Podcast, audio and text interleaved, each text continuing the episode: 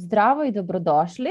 U današnjoj epizodi imam jednu specijalnu gošću. Pričat ćemo o tome kako optimizovati svoj YouTube kanal i kako ga prvenstveno pokrenuti. Moja gošća je Anđelija Radović.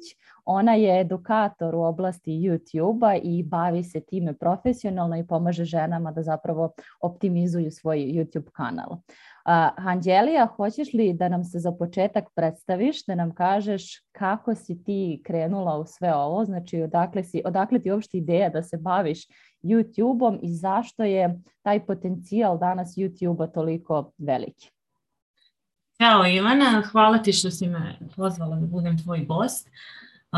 Da, ovo je jedna jako široka, jako zanimljiva tema, ali gledat ću stvarno da se držim ovaj, onih nekih detalja koje su najbitniji. Pa e, ja sam počela YouTube-om da se bavim otprilike e, krajem 2019.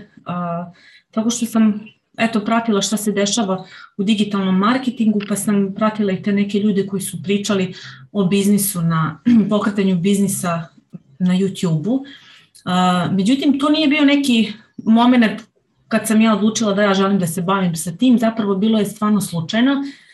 Ja sam u to vreme bila u Kanadi i bila sam na obuci kod jednog, moj prijatelj koji je programer i za koga, sam, za koga je trebalo da ja radim, je pokušavao da me, verovatno bezuspešno, obuči da, da budem eto, ekspert u bazama podataka, pošto je on ekspert, pa je hteo da ja njemu pomognem u tome i sad neki najjednostavniji način je bio da on meni, pošto često nismo mogli uživo da se, da se ovaj, srećemo, Ovaj, I onda on meni, a nismo mogli da se potrfimo ni sa vremenom, tako da on meni snimao videa i slao mi. Sad on je meni, pošto, znači ja nisam znala praktično ništa o tome, kupila sam neke kurseve, onako malo da se edukujem, i on je meni slao te videe onako, pa mi objašnjava u sličicama, e, ovo ti je kuća, ovo ti je ovo, uh, to je tako slikovito bilo i sad da, da ono, uh, fast forward, pošto ja i dalje, meni je to bilo, nisam se nekako pronalazila u tome, ja sam njima rekla na momentu, vidi,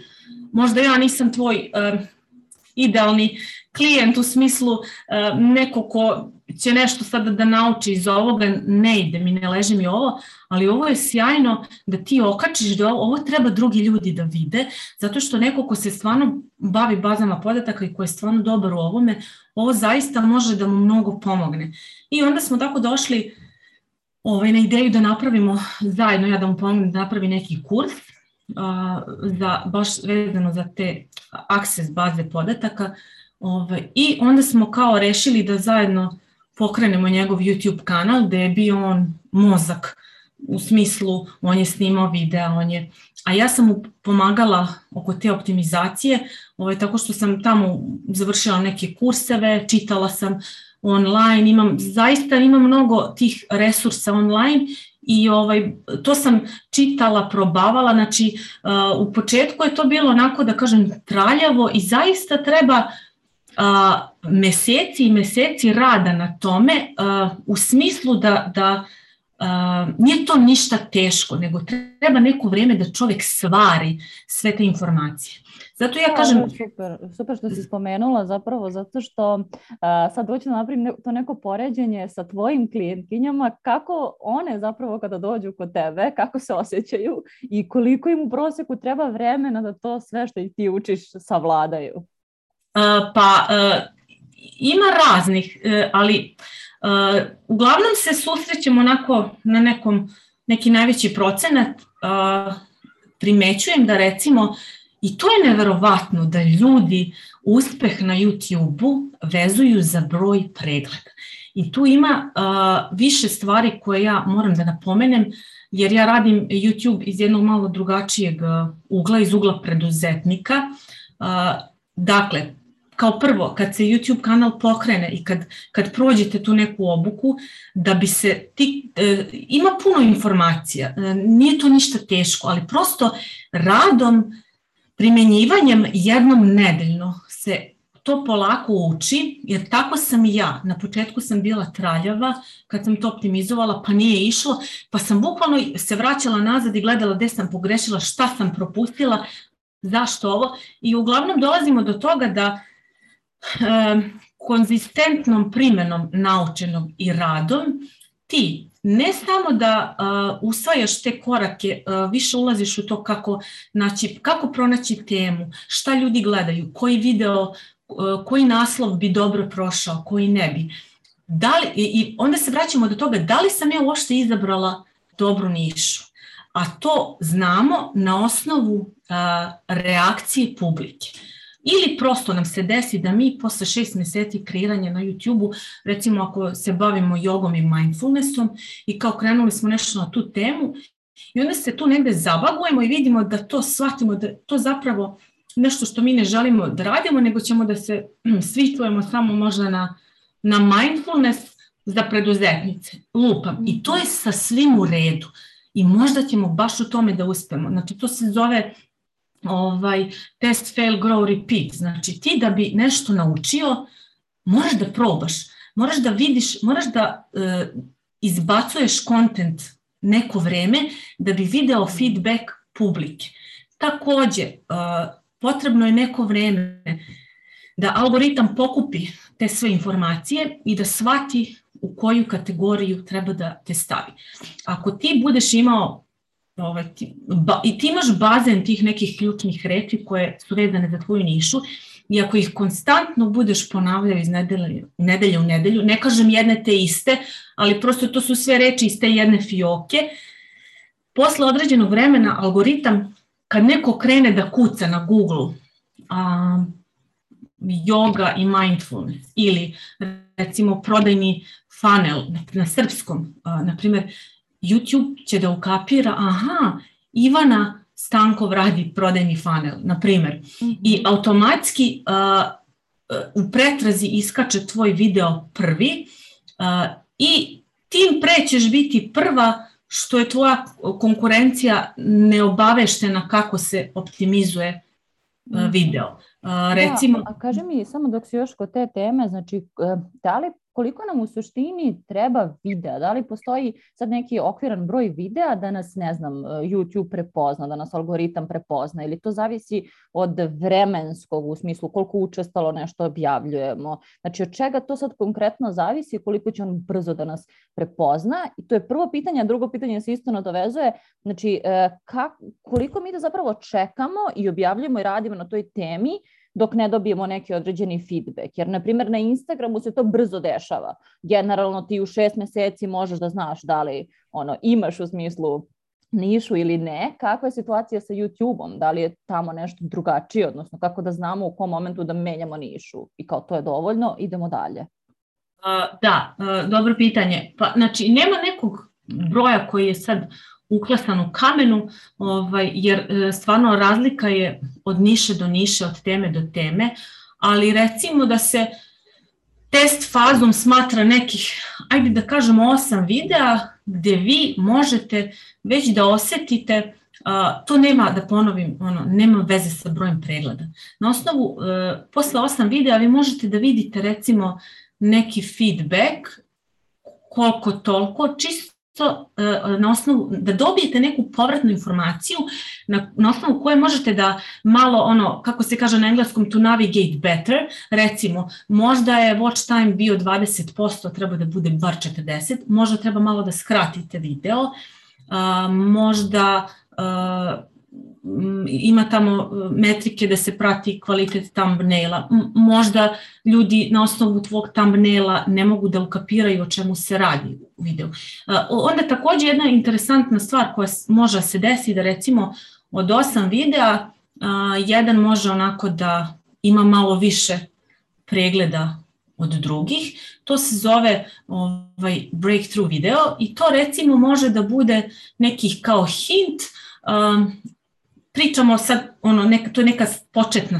početnička strategija, to može da bude neki hint uh, o čemu biste mogli malo više uh, da pričate, da bi algoritam uh, na početku vas malo pre pogurao. Takođe, to što si rekla Instagram, druge, druge platforme, YouTube bi ja vezala isključivo, pošto ja radim sa preduzetnicima, dakle da razjasnim, uglavnom ne radim optimizaciju tih, kako je volim da ih zovem, youtuberskih kanala, gde ljudi zarađuju uh, preko AdSense-a, dakle preko ovaj, reklama i preko super četa i preko nekih drugih, zato što je to bukvalno, to, su, to je stvarno ono, vezano isključivo za YouTube. Ali ovde je jako bitno e, da je YouTube usko povezan sa vašim biznisom. To znači da vi uh, imate, da niste, uh, da imate program ili proizvod ili uslugu koju prodajete i da to mora biti jasno iskomunicirano u videu i da iako možete, ne morate da imate sajt, ali prosto trebalo bi da postoji još jedna platforma gde ovaj, potencijalni klijenti mogu da vide vašu ponudu i taj sajt ili Instagram stranica ili možda čak LinkedIn gde čujem da stvarno u zadnje vreme je stvarno sjajan lead za neke biznise, na primjer za ja, uh, ono, public speaking i za tako te stvari. Uh, vi treba da uvežete sve te platforme zajedno. Ne kažem da trebate da budete prisutni na svim, mislim čak da je to malo too much i nepotrebno, ali recimo YouTube i Instagram ili YouTube i LinkedIn zavisi gde su vaši klijenti više i prosto za početak je uh, i, i stvarno pomaže da publiku uh, šetate sa jedne platforme na drugu. U, u smislu, u stvari zapravo da publiku da dovodite, da, da, ja da dovodite, bravo, znači neko će vas pronaći preko LinkedIna, šta će se desiti? Na LinkedInu, vi delite ovaj, ta videa i oni mogu da dođu na YouTube i na osnovu tih malih uh, de, uh, uh, kako se, na engleskom small pieces of content, kako mi lakše da se izrazim, na osnovu tih malih ovaj, videa oni će da vide da li je to kvalitetno, da li i taj mali video rešava neki problem, da li im se sviđa vaša energija, da li žele više. Obično ljudi ako im rešite problem za džabe, mhm.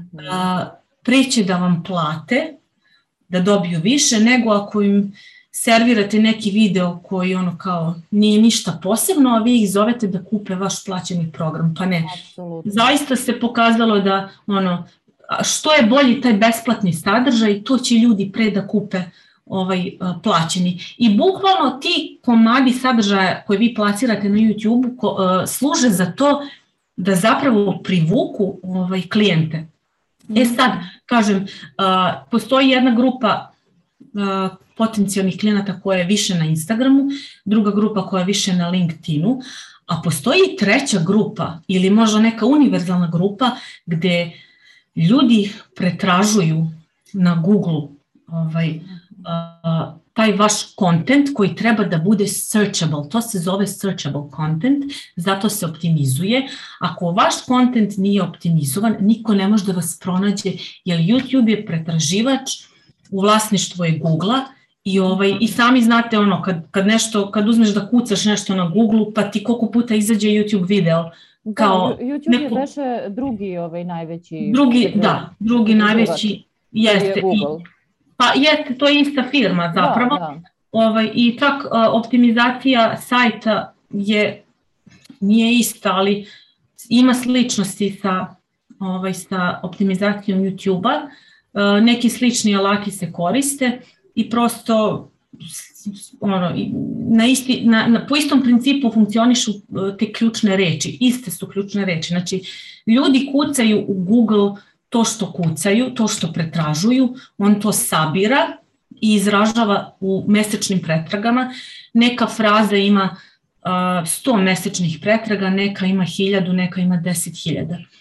Vi treba da naučite sa tim da baratate, da to pratite i da gledate gde se vi uklapate u to, s tim mhm. što ne treba po svaku cenu, pošto ste u jednoj određenoj niši, znači mi sad, e, neke teme su u našoj niši, ako radimo jogu, neke teme su manje tražene, neke su više tražene. Ne, mi tu ne možemo sad da izmislimo toplu vodu i ako mislimo da je neka tema važna da bude na našem kanalu, a recimo search volume je nula, znači na osnovu ovaj, tih, recimo alati nam govore da kao ta reč nije mnogo tražena, to ne znači da mi ne treba da snimimo video na tu temu. Jer šta se dešava? taj search volume se menja iz meseca u mesec i možda je sada nula, a, a bit će za par meseci a, mnogo. Ja, ja tu volim da dajem primer, mislim ljudi koji prate znaju Ane Bučević, ona kad je počela da priča o nekim stvarima, čini mi se pre 7-8 godina, niko nije imao pojma šta je to. To je sve došlo iz Amerike ovde, Takođe, e, stvari o kojima pričaju, na primjer, Tamara Etera, Neli Todorov, ženska energija, muška energija, ženski princip, znači, to su stvari koje tek dolaze ovde. Ovaj, I umesto da neko čeka da to dođe ovde, pa onda da, da pravi sadržaj tome, baš je pravo vreme, pravi trenutak sada, jer sada ovaj, možete da postanete pioniri u nečemu što će tek doći, a, možda za godinu ili dve, jer svi znamo da na našem YouTube-u da mi dosta kaskamo ovaj, da, za, da. Za zapad. rekla, mislim da čak i ova tema prodajnog lepka je ono, ljudima dosta nepoznata i pre nego što sam ja počela da pričam o tome, vidjela sam da ljudi to rade u okviru nekih tema. Znači nije postojao, yes. nije postalo jedan profil koji se bavi samo tom temom i koja edukuje. Tako da mi je to super što si spomenula i što si spomenula zapravo kako mi vodimo naše klijente. Mislim da to je ono što ja ljudima pričam I to je razlog zašto, zašto sam te danas i pozvala, zato što mislim da u suštini moramo da imamo taj evergreen sadržaj, ne samo da bi nas ljudi pronalazili, nego da bi se ljudi povezivali sa nama. Jer prvi korak jeste da nas negde nađu i mogu da nas nađu, jel te, i na Instagramu, LinkedInu, šta god da odaberemo, ali drugi korak jeste kako ćemo mi da se povežemo sa njima. Znači kad neko, jel te, sluša moj podcast ili gleda moj YouTube video, mnogo je veća verotnoća da oseti moju energiju, da osjeti kako ja pričam, da osjeti da li mu to leži, da osjeti da sam ja stručnjak u tome, nego kad napišem jedan običan post na Instagramu koji ono, može realno svako da mi iskuca. Tako da ja bih ono negde malo se, se bavila i time koliko je taj evergreen sadržaj danas bitan i zapravo koliko nam pomaže da kreiramo taj održiv biznis, jer to je nešto što ja kažem, e, to je nešto što drži naš biznis, jer ta prva faza prodajnog levka te društvene mreže zapravo to se jako brzo menja. Znači danas je popularan Instagram, sutra je TikTok, pa LinkedIn, pa mi ne znamo šta će biti za pet godina, a jel te svi mi planiramo dugoročno da imamo biznis. Tako da nam trebaju platforme koje su održa, održive, a to su upravo platforme poput YouTube-a, bloga i podcasta. Tako da su ono neophodne. Da, odlična, odlična tema i odgovorit ću ti iz više aspekata. Evo prvo, Ove, nisam tela da te prekidam. Prvo uh, mi je zanimljivo to što si rekla i sjajno, sjajno pitanje. Ovaj, uh, nema mnogo na temu prodajnog lepka i ako ima, to su ljudi koji se bave drugim temama. Odlično, odlična tema. Zašto? Konkretno na YouTube-u u 2002. 2022. godini, ovaj, naravno i prošle godine, ali naglasila bih to, što je uža tema kojom se bavite, to će vas pre pronaći i to je, su veće šanse da uspete. Dakle, što je šire nešto, to su manje šanse, veća je konkurencija.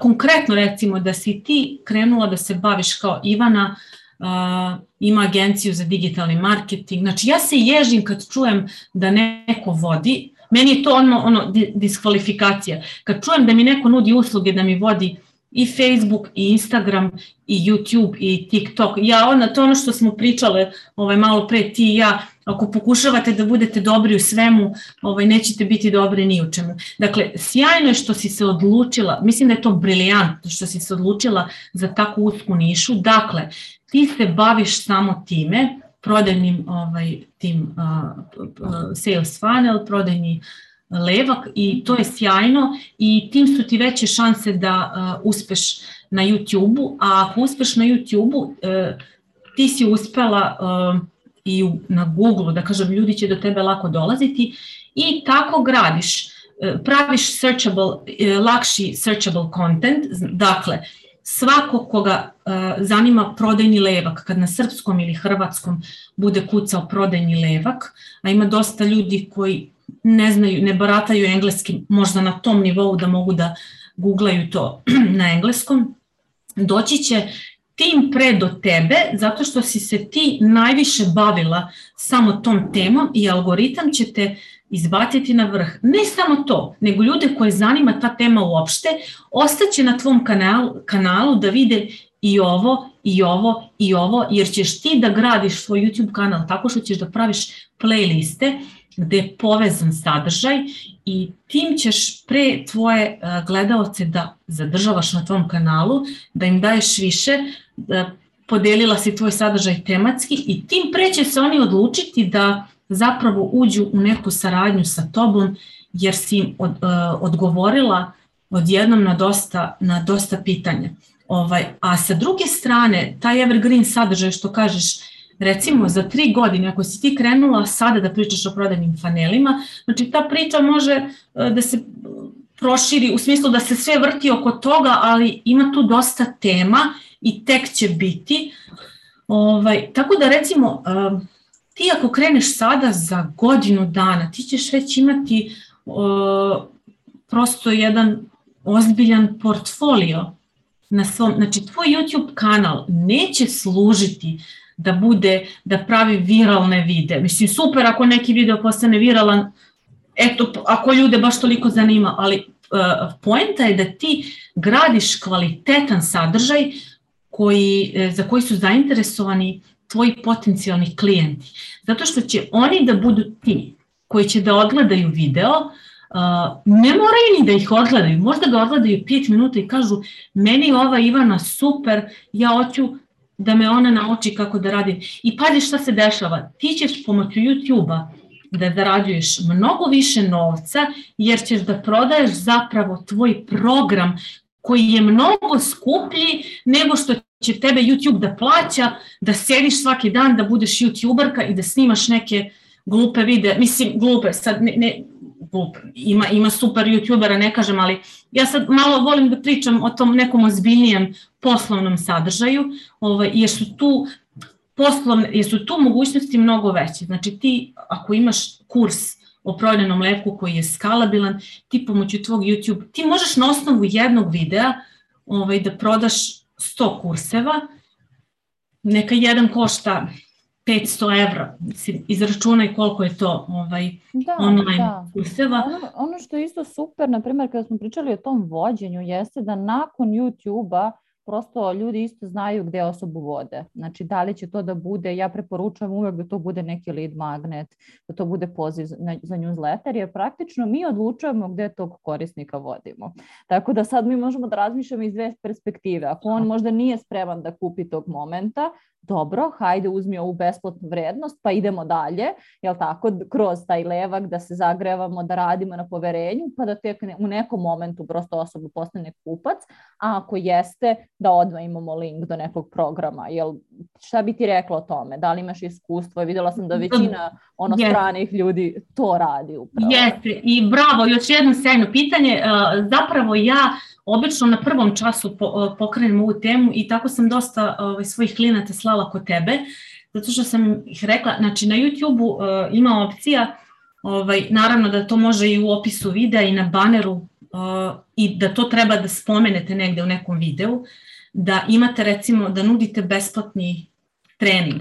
I to je neki svojvrsan poziv na akciju, ovaj, gde ljudi mogu da skinu taj besplatni trening ili besplatni e-book kako god, ili besplatni handout, neki freebie i to se zove opt-in. Dakle, to je direktan ulaz na, na ovaj mailing listu, na newsletter i e, za to se koriste ili SendFox ili MailChimp ili zavisi koji ima ih više tih, to ti, to ti mnogo bolje da, da, znaš. Da, može bilo koji software. Jeste, i to je sjajna, e, zapravo YouTube je veliki lead da te, da, da gradite e, bazu svojih, da gradite svoju mailing listu, dakle bazu svojih potencijalnih klijenata, ovaj, jer svi znamo da društvene mreže nisu u našem vlasništvu, da može, ne daj Bože, da se desi da padne sistem. Eno, što, prošle godine se desilo to nešto sa Facebookom, čini. Mm -hmm.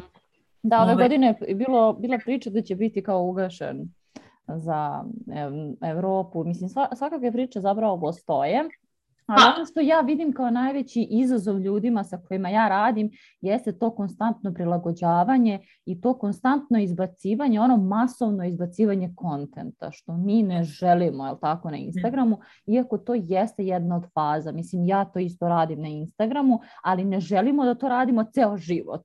Znači, baš zato gradimo velike newsletter liste, baš zato gradimo kontent, znači on neće raditi odmah kad to krene, ali zamislite za tri godine ili za pet kako će izgledati vaš život kada krenete i postupno radite ove stvari u odnosu na to kada se fokusiramo samo na Instagram i ok, tu imamo publiku i to je sve što imamo. Tako da to je, to je ono što mene više privlači, jer mislim da ni ti ni ja nismo ušli u ovaj biznis da bismo se ovim bavili godinu dana i posle, jel tako, vratili se nekim starim životima, nego da bismo stvarno živeli od ovog biznisa, imali to neko vreme i energiju i bavili se kvalitetnim sadržajem. Znaš, ako ja stvarno moram da ono, izbacujem kontent, mislim, to meni lično nije primamljivo. E, moj... Pa, nije, nije nikom primamljivo i to nije održivo i ono što se najčešće dešava kod upornih preduzetnika je da um, uh, oni tokom vremena uh, prosto evolviraju, napreduju, promene nešto uh,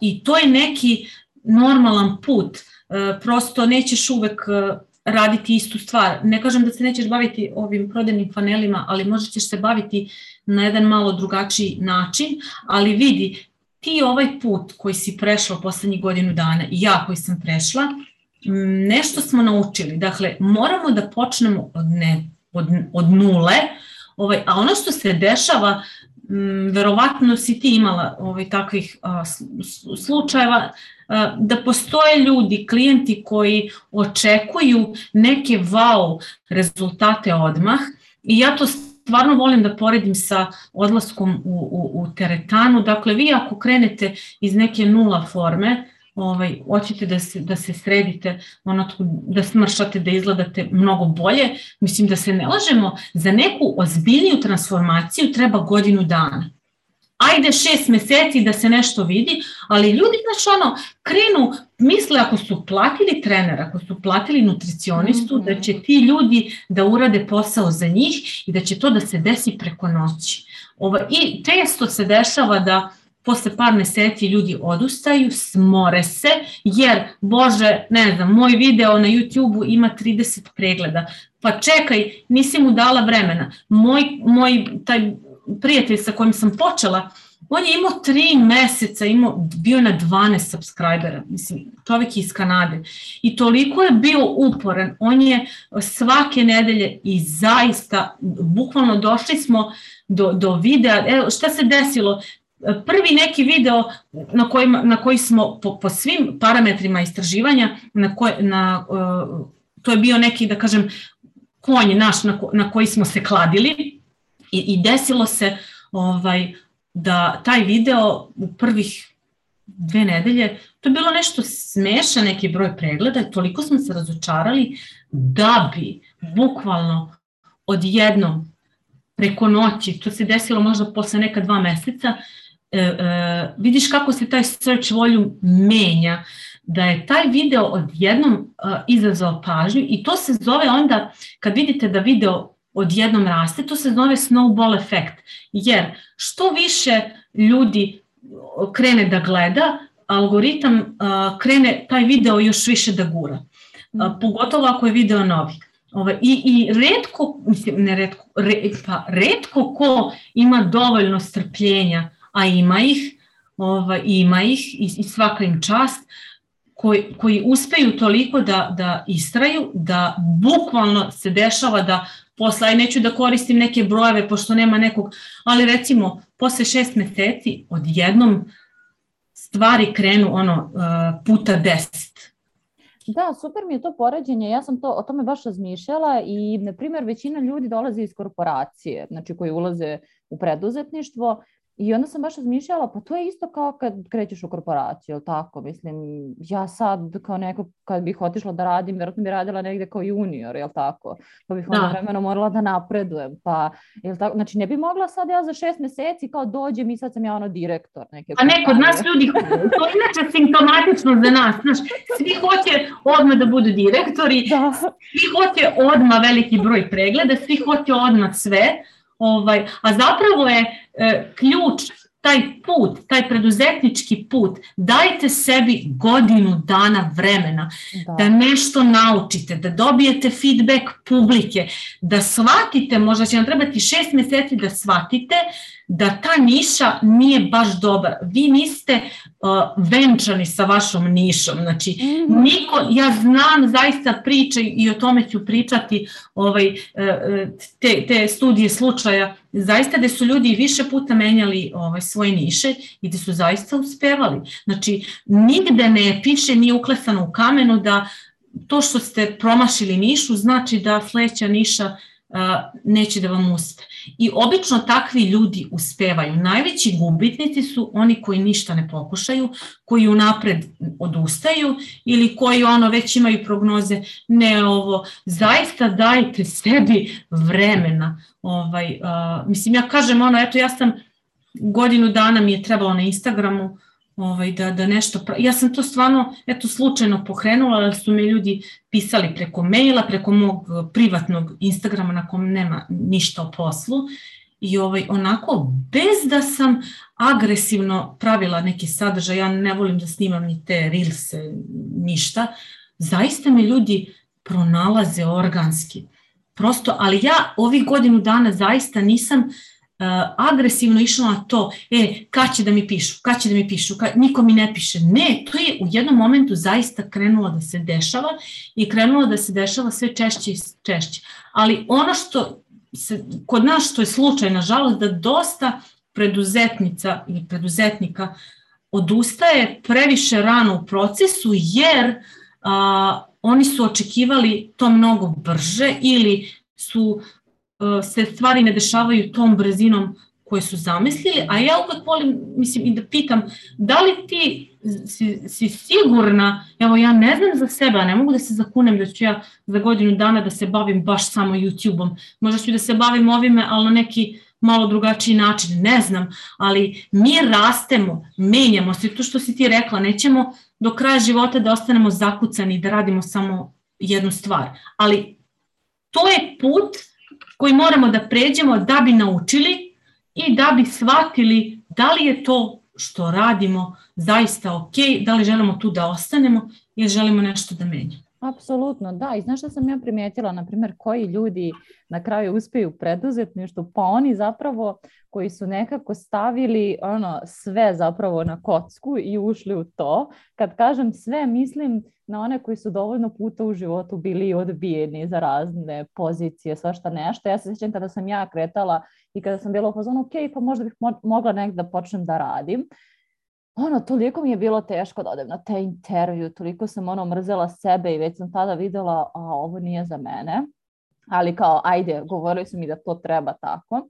I na kraju sam shvatila da zapravo sve ono što su neke moje mane, i što su kao moje slabosti i zbog kojih ja možda ne znam ne mogu da budem dobra u korporaciji, da li je to moja direktnost, iskrenost, što ja ono, što na um, to na drum. I, i kažem onako otvorena sam u komunikaciji, uvijek su me te neke stvari onako dosta sprečavale da budem deo neke zajednice I shvatila sam onda da to sve što me kao sputavalo da negde drugde uspem, mi je pomoglo ovde u preduzetništvu. I da onog momenta kada sam bila spremna da se zapravo kladim na sebe, ja mislim da u mojoj glavi ne postoji druga opcija. Znači, ono, ne, ne može da ne uspe, samo je pitanje kad će da uspe, znaš. Mislim, ako sam ja već sada zadovoljna svojim poslom, ali da se sutra nešto desi ja bih opet otišla, ono, radila u kokičaru ili u kafiću, baš me briga. Radila bih bilo šta u tom periodu dok taj posao ponovo ne krene, dok ja nešto ponovo ne uradim i shvatim šta se tu desilo ili kako da opet dođem do klijenata. Znači, e, to, to je moj mozak i mislim da upravo takvi ljudi na kraju i uspevaju. Zašto? Zato što je meni ovo jedina opcija. Znači ja ne vidim drugu. Ja sam ove godine ono napustila fakultet sa sedam ispita do kraja i bila sam u pozonu, ne zanima me ova diploma. Znači ova diploma mi donosi sigurnost, ovaj faks, ono, ne želim to da studiram, nikad nisam ni htela i sad imam hrabrosti da, da kažem ne tome. I kao jedina stvar na koju se kladim sam ja. Znači, to je to. Nema ni diplome, ni spoljnih faktora, ni ono raznih gluposti, iako, ono, naravno, to je sve, sve bitno i sastavni deo našeg života, ali mislim da je to taj moment kada mi zapravo odlučimo da se kladimo na sebe i kada znamo zašto smo ovde. Jer mislim da ništa drugo ne bih radila ono, u životu, iako milion puta se ono probudim i upozonu sam, jao, toliko ono, imaš e, stresa, problema i svega sa čime ono, prosto moraš da naučiš negde da se nosiš ali mislim da nikad ne bih ono, ovo menjala za nešto drugo, samo što radim, menjam sebe. Da ja zapravo budem otpornija na te stvari i da brže mogu da se krećem. Pa Tako da, to je super. Da, to, to je super što si spomenula, zato što većina ljudi odustane kada, kada vidi da stvari možda ne idu tako brzo. Imali su određena očekivanja, mm. zato što mi svi slušamo podcast, svi slušamo te biznis coacheve, svi, ali niko vam od biznis mentora i coacheva nije rekao da će biti lako i da će da se desi preko noći. Ovaj, ali neverovatno je uh, kak, na kakve sve izglede odgovore ovaj, možemo da, da najđemo u ovom poslu i to što si ti rekla, bitno je da neko dovoljno želi uh, ovo, mislim to što radi ovaj, i ako je previše lako, uh, te, mislim, naravno ima i takvih priča, ali e, bukvalno, evo, mislim, i, i ovako iz života neke priče, e, ljudi koji su u suštini krenuli od neke nule kojima je ono koji su igrali na sve i ništa su napravili ovaj neke rezultate.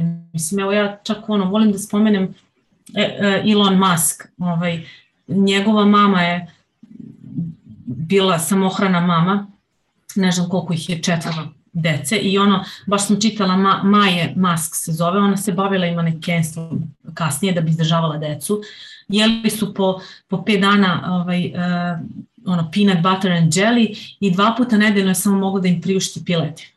Ovaj, ima i njena knjiga, uh, Maja Mask se zove, jako, uh, žena je stvarno sjajna, jako inspirativna priča, ovaj, a takođe volim i da spomenem priču, na primjer, Gorana Bregovića koji je bio odbijen ne znam koliko puta na tim muzičkim akademijama, muzičkim školama, jer su mu rekli da nema nikakav talent. Ono, to baš volim ovaj, da, ali on je verovao u sebe, ovaj, baš volim nekako tu, tu priču. Uh, i, I čovek, zamisli ti kad ti neko, ajde jednom da ti neko kaže kako, kako nemaš talenta, zamisli ti neko 3-4 puta kaže, pa ne znam koliko puta, ima sigurno na Google ovaj, koliko puta odbijen, da ti pored svega toga toliko ne odustaješ, da na kraju uspe, uspeš i pogledaš šta je čovek napravio. I onda se zapitajte vi koji odustajete posle tri meseca jer, ne znam, vidi, svašta može da iskrse, mislim, svi živimo život.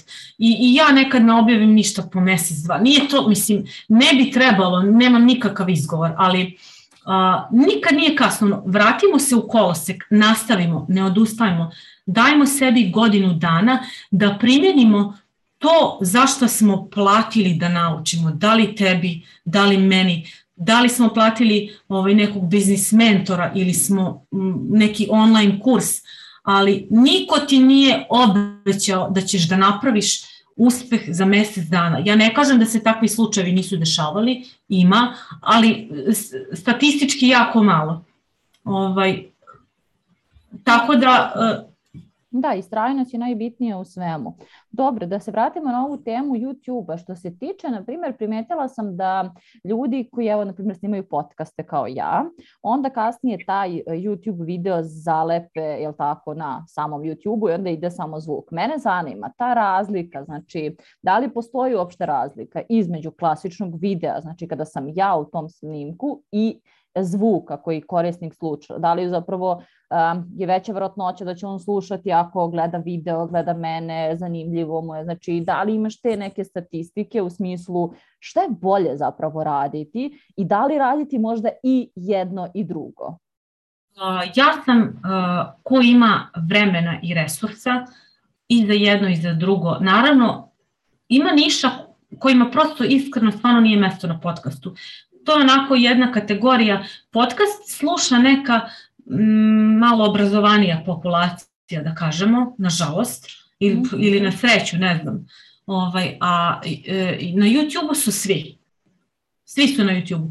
E sad, razlike u tome što je podcast platforma kreirana tako da možete da kačite audio uh, format i jako je zgodna za recimo, ovaj, evo ja znam kad slušam ne, neki duži video, recimo neko je pravio podcast na YouTube-u, a nema ga na, na Spotify ili na Anchoru, ovaj, i onda uh, kad stavim slušalice, ja to obično radim dok šetam, Ovaj, I onda, kako je YouTube nezgodan, on, znaš, ono, dok nije uključen, on se gasi, pa, znaš, ono, gledaš, ako, ako pipneš nešto, on će se prekine. Dakle, zaista, YouTube je pre svega namenjen za gledanje.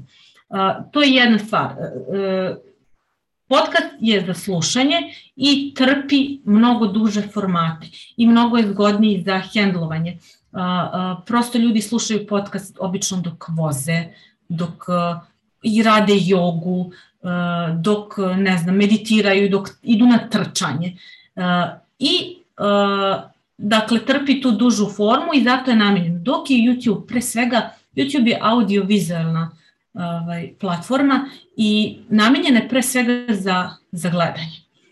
Čak može i da se čita ovaj, kad se stavljaju titlovi, ali razlika je u tome što uh, YouTube 2022. godine ovaj, je toliko, toliko puno ima sadržaja. Ovaj, imam sad, ne znam baš na pamet, ali objavila sam te statistike svakog minuta koliko se kači ovaj, na YouTube a, i, i statistike kažu da je neka minutaža optimalna oko 10 minuta. A, sve što je preko toga, a, šta se dešava ovaj, ljudi ne iskonzumiraju do kraja, što je duži video, manje su šanse da će neko da pogleda do kraja. Samim tim procenat gledanja koji YouTube prati, YouTube algoritam, je sve manji i što vam je manji procenat, algoritam to razume kao da to nije dobro.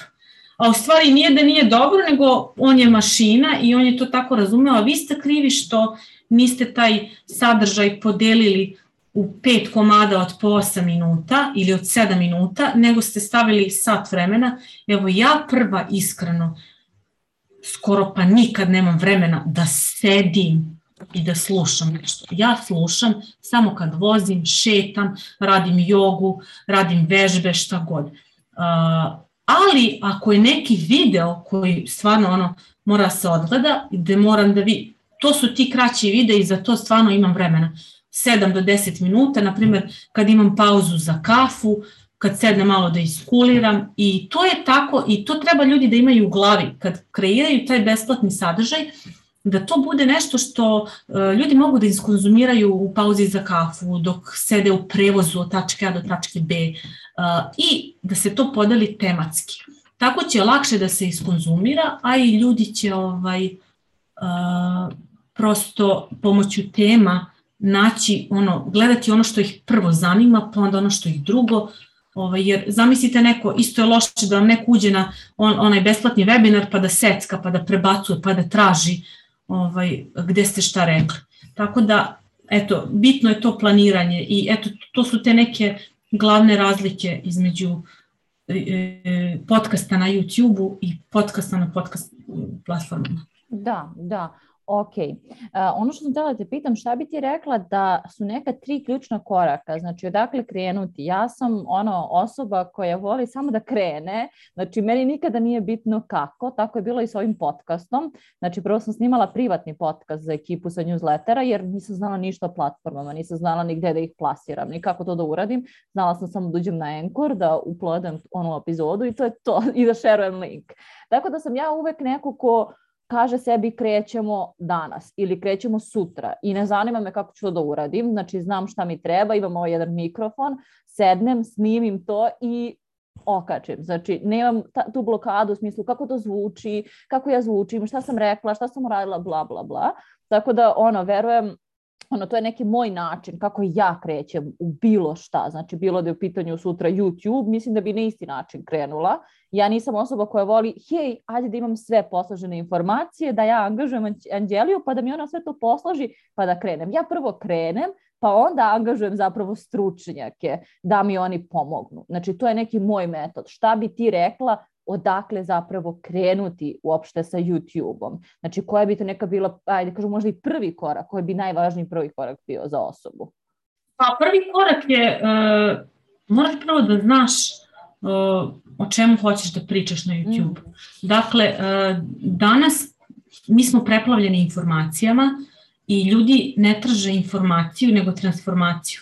Znači njima trebaju neki, obično su to oni how to ili zašto. Uh, znači, uh, i to su, uh, ti treba u okviru svoje niše da se baviš nekim najčešćim pitanjima koju, koja muče tvoju ciljnu grupu.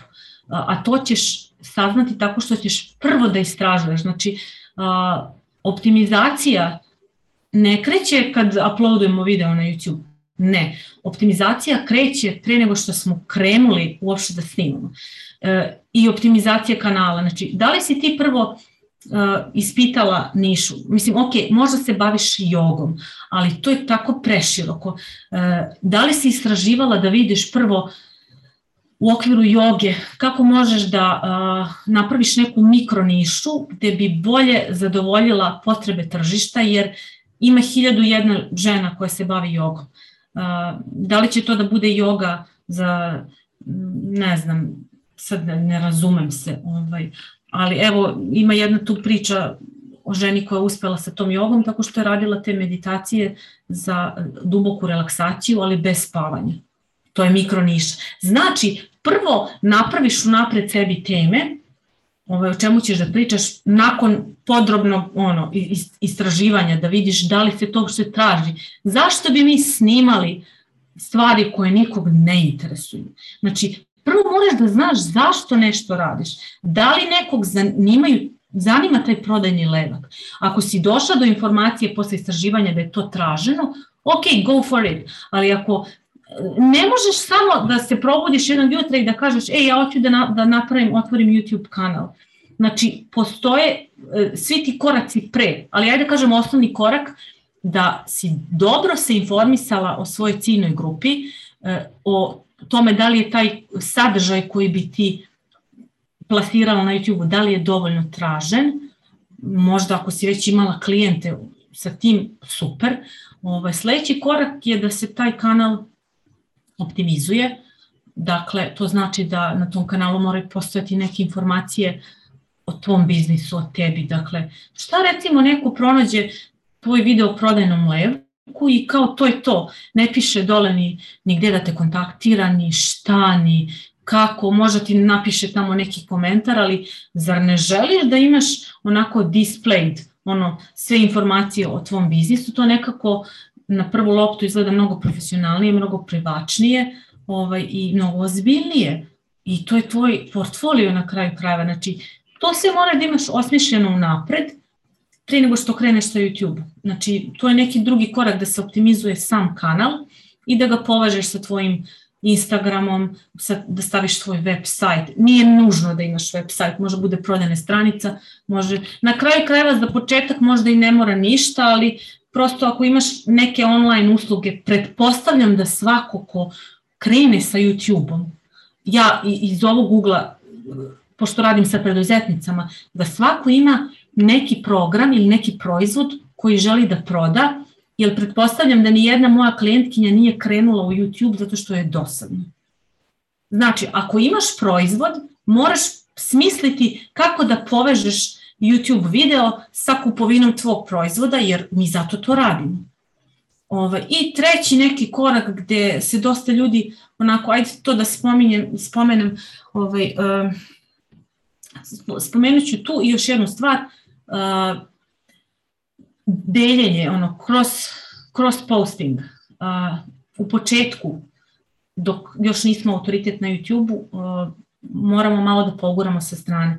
Šta to znači? To znači da ćemo da snimamo neki mini reels ili story ili ne znam šta na Instagramu, da ćemo da obavestimo ljude da smo otvorili YouTube kanal i da ih šaljemo tamo da nas gledaju, ovaj, jer tamo nam se pregledi računaju, na Instagramu nam se ne računaju uh, i na, uh, tamo ljudi mogu da pronađu taj video, na Instagramu ne mogu, znači drugačije to funkcioniše. Uh, takođe može se podeli na LinkedInu, možda na Facebooku, u Facebook grupi, ne znam, takođe dobra ideja da se embeduje na sajt ili da se stavi u newsletter ako ga šaljete jednom nedeljno, ovaj, kako god, ali to cross sharing u početku je ovaj, dosta znači, ovaj, tako da bi možda to bio neki ovaj, treći, treći korak. Naravno, optimizacija se podrazumeva pre, pre snimanja, osmisliti već naslov pre nego što se snimi video, znači morate znati tačno o čemu ćete da pričate, ovaj, a ne kao snimimo video i onda kao optimizujemo, pa čekaj, ako sam ja našla da je ovo super naslov, a ti baš i nisi pričala o tome, da li je dobra ideja da ja nalepim taj naslov na tvoj video, a da to nije ovaj, kongruentno, pa ne baš. To su čak negativni bodovi, ali malo ljudi o tome razmišlja. Da, baš sam, baš sam to, uh, sad razmišljam i o tome, ovaj, na primjer, ako bismo mi sada, eto, bez tog nekog znanja pokrenuli YouTube kanal, snimili uh, mnogo sadržaja i sad u jednom trenutku odlučimo da ga optimizujemo. Šta se onda dešava? Upravo dolazi do toga što si ti rekla, da ne možemo da stavimo neki naslov koji je, jel te, možda dobar, za optimizaciju, ako o tome nismo pričali jel te, u video ili postoje neki načini da se onda kao to upegla zapravo? Može da se upegla, ali vidi ovako, može da se upegla dokle može. Znači, ja mogu da popravim nešto do nekle, da to zvuči mnogo bolje nego što je bilo, ali ja uvek to kažem, da si me poslušala, pa si unapred pronašla naslov, pa si tih 8 minuta, umesto što si 2 minuta pričala o tome što je mnogo bitno, a 6 minuta o nečemu što nije toliko bitno, da si svih 8 minuta pričala o tome, ja bih mogla da stavim ovaj super naslov i to bi bilo super. Ovaj, ali ja sada mogu do nekle to da optimizujem, što je svakako bolje nego što je bilo, ali ne može da bude sjajno. Zato je mnogo bolja varijanta prvo pronaći naslov, pa onda ovaj, snimati video. Ali kažem, i naknadno optimizovanje je bolje nego neoptimizovanje. Mm -hmm. ovaj, s tim što da. je ovo mnogo bolja solucija. Da, ti si mi u jednom trenutku pričala ili sam negde pročitala oko tebe uh, zašto je taj potencijal YouTube-a toliko veliki konkretno na Balkanu. Znači, zašto mi eto sada treba da krenemo da se bavimo time, pa eto možeš da nam ispričaš o tome, jer prosto verujem da neki ljudi misle da je prevelika zasićenost, kao već ima previše ljudi, pa kako ću ja tu da se izdvojim, pa kako ću ja tu da krenem, pa da li ću previše vremena da utrošim, pa eto da nam pričaš iz te svoje perspektive, pošto ti konkretno radiš sa ženama koje su ono, ono sa ovog našeg područja, tako je, ovaj, da nam kažeš prosto kakav je taj potencijal YouTube-a za nas na Balkanu i kada je neko ono kada da krenemo, a da ne zakasnimo ili smo već zakasnili da krenemo sa YouTube-om, u smislu šta ti predviđaš da će se dešavati u budućnosti, evo sada, ono, svi pričaju o evergreen sadržaju i sada već nekako mi se čini da za godinu dana će kao prodajni levak, znači ja očekujem da će za godinu dana, ono, da se pojavi de, bar 10 profila koji će time da se bave. Zašto? Zato što kada ljudi vide da nešto radi, onda prosto i oni krenu time da se bave. I videla sam... Najbolje je biti pionir u nečemu. Tako je, ali sam videla takođe da mi sad često iskaču i stranice koje se bave YouTube-om baš, pre to uopšte ono, nisam viđala da postoje ljudi koji samo YouTube rade kao ti. Tako da, eto, negde me zanima prosto uh, kakav je danas potencijal, kada je možda ono, trenutak da se krene sa tim i ka, šta predviđaš da će se desiti prosto u budućnosti sa YouTube-om na našem tržištu? Vidi ovako, e, da razjasnimo prvo, znači, kao što sam rekla na početku našeg razgovora, ima više načina e, na koji e, ljudi mogu da zarade novac preko YouTube-a. Taj neki najpoznatiji je taj čuveni affiliate, to jest i affiliate i AdSense, recimo, sad su neke hit niše u svetu, ne znam, nekretnine, osiguranje, taj, te kriptovalute, ne znam. I sad vi ako krenete, naravno na, na srpskom, hrvatskom jeziku, da zarađujete, da idete na to da zarađujete preko samo AdSense-a, to je ono smešno jer su tu stvarno ovaj, jako male uh, pare, dakle, ako ide, neko ide na to kao da zarađuje od tog AdSense-a i od tog affiliate marketinga, onda se radi na engleskom. Gde, recimo, ako pričate, ako sarađujete sa nekim velikim osiguravajućim kućama i na svom YouTube-u kačite stalno informacije vezane za osiguranje na engleskom i dole u opisu stavljate svoje affiliate linkove gde ljudi mogu da se ušlane ili da dobiju popust preko vašeg videa, a vi imate neki procenat od toga ili preko vašeg YouTube kanala prodajete uh, recimo, ima, znam jednu uh, devojku koja uh, Amerikanka, ali ovde davno ovaj, živela, recimo bavi se šminkanjem i kači te, te ona je ono millennials, ona baš je klinka i za te, stvari njena ciljna grupa je ovi što gledaju TikTok, mislim, ovaj, deca da kažem, i e, te devojke, devojčice koje te kreću da se šminkaju i ona je završila za ovaj, make-up artista, za fotografa ovaj, i ona kače te tutoriale za šminkanje i tako prodaje ona svoje favorites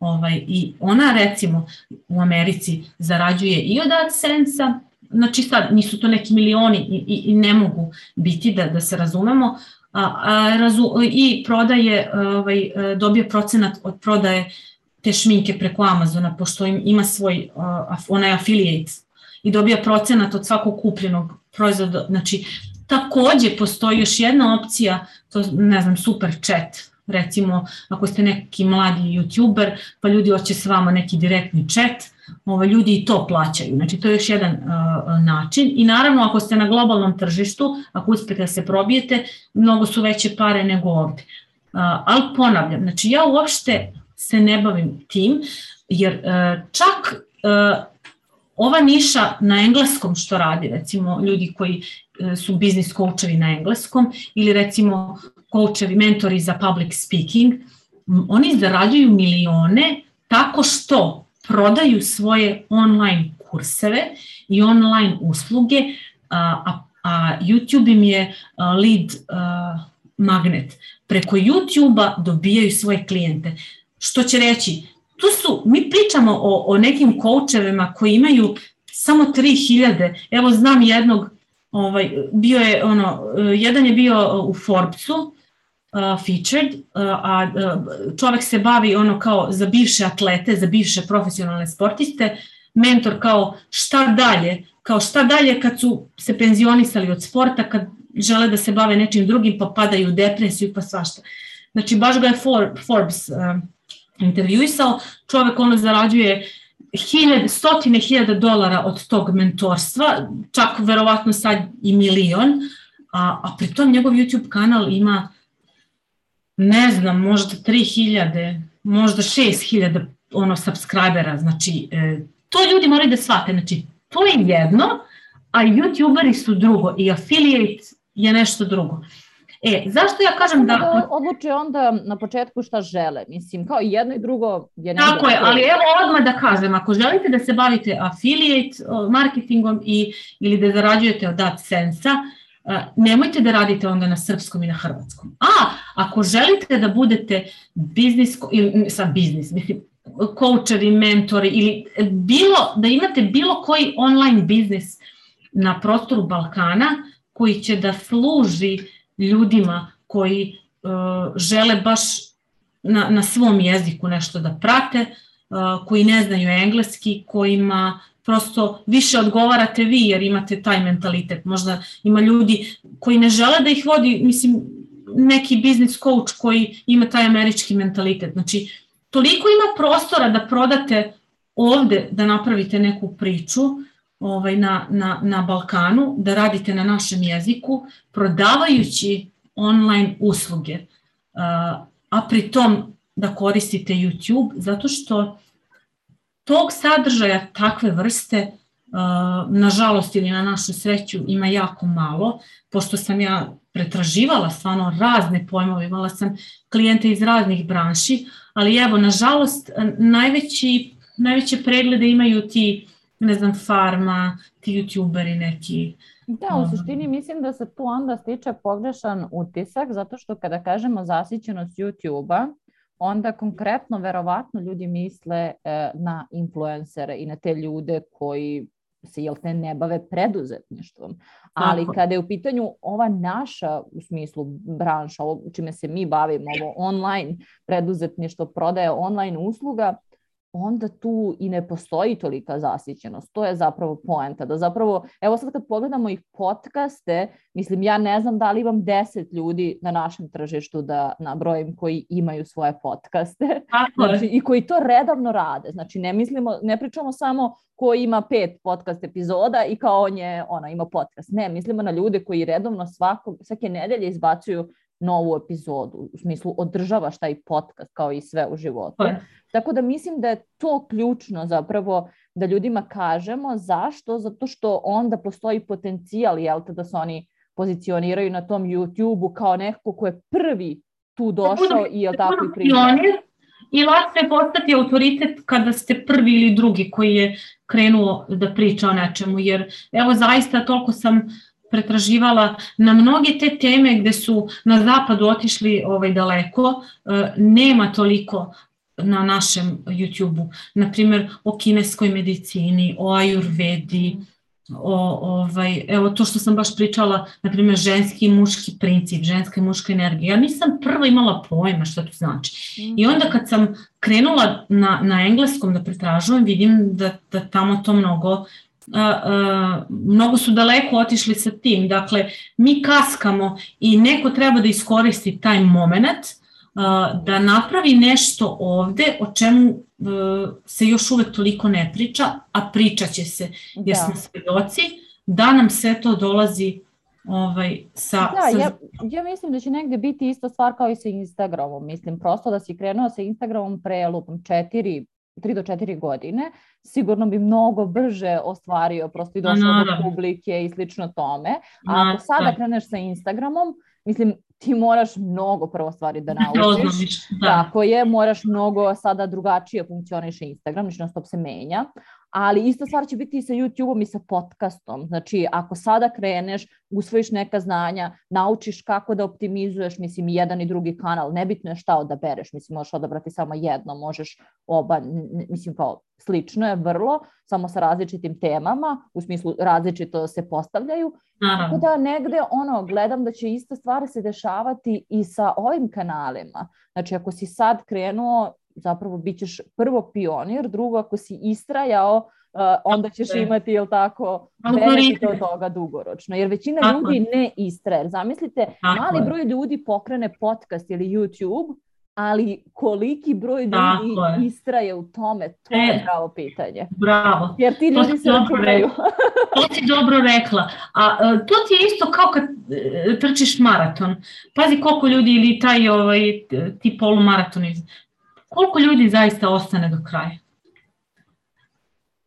Stvarno. Da, ovaj, da. Ljudi nemaju, nemaju strpljenja, zaista to je sad taj sindrom gde ljudi misle stvarno da uspeh dolazi preko noći, ovaj, a stvarno ovaj, ne treba samo da budeš pametan i da budeš stručan, treba da budeš strpljiv i treba da budeš uporan. Eto, to je moj, ako bi morale da ono, uh, to wrap it up, ovaj naš razgovor, ovaj, zaista uh, ključ je u tome da i kad naučite optimizaciju i te neke male trikove i pokupite te neke informacije, ključ je raditi. A, if, it works if you do the work, da se razumemo. Znači, ako ne radite, ništa od ovog što ja pričam ne radi. Ne radi. Ovo, isto važi i, i za to što ti radiš. Znači, strpljenje, doslednost i strajnost. Ok je ako shvatite da posle šest meseci želite malo da zarotirate nišu, da malo ono, na, na, okrenete se u nekom malo drugom smeru. To je sve proces, ali samo ne treba odustajati. Ovaj, jer